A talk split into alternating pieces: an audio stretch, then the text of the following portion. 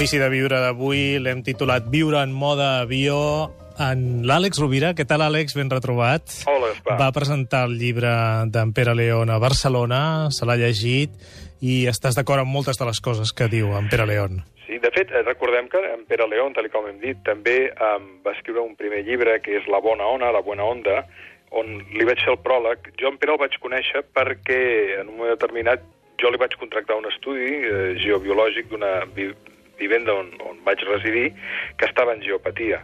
I, per tant, puc donar fe en primera mà de que, de que era així. A més, va ser molt interessant perquè vaig contractar dos geobiòlegs, els vaig convocar en moments diferents i tots dos em van fer un, un diagnòstic idèntic, és a dir, tu posaves el, el pla de, les, uh, de la casa amb les diferents uh, zones d'afectació i coincidien plenament.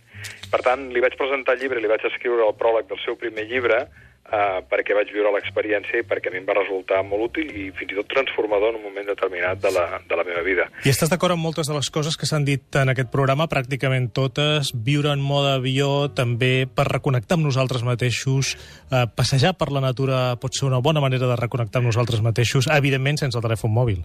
Evidentment, jo crec que el, el que diu el, el llibre d'en Pere té, està carregat de, de sentit comú i fa referència no només a la necessitat de desconnectar-nos de, de les freqüències electromagnètiques que conviuen amb nosaltres tan sovint, sinó també a la necessitat de tenir un espai de serenitat, un espai de silenci, un espai d'introspecció.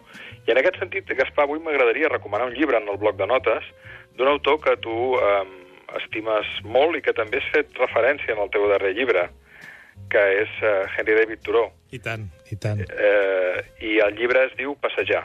És un petit assaig eh, deliciós um, que es llegeix en molt poca estona i on es uh, recullen diferents fragments de, de, de notes del diari de Henry David Thoreau, eh, així com també alguns escrits que va dedicar a la seva vida a l'art de passejar, eh, entès precisament com això, com quelcom que va molt més enllà d'un senzill exercici físic per uh, esdevenir una intensa activitat en tots els sentits que ens permet uh, reconnectar-nos amb nosaltres mateixos i entrar en una profunda comunió amb la naturalesa. Recordem que molts dels grans filòsofs que ens ha donat la història contemporània eren grans, passejador, grans passejadors, eren grans caminants, i que el gruix de la seva obra l'escrivien en notes que anava sorgint a mesura que ells passejaven en contacte amb, amb la natura, és el cas del mateix Thoreau, i que aquells moments d'inspiració, aquelles reflexions, aquelles lucideses, aquelles idees força potents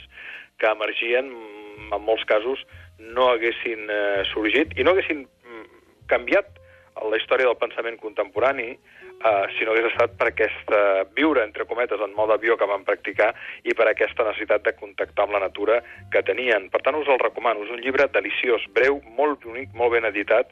Eh, en aquest cas parlo de l'edició de l'editor José J. de Olañeta, que fa uns llibres petitets molt bonics, i en aquest cas estem parlant del llibre Passejar, de Henry David Thoreau, per practicar el viure en mode avió. Moltíssimes gràcies, Àlex, per aquesta recomanació. Ens retrobem a l'estudi a Catalunya Ràdio la setmana que ve. Moltes Bona gràcies, setmana, moltes gràcies. Una, Una abraçada. abraçada. Adéu.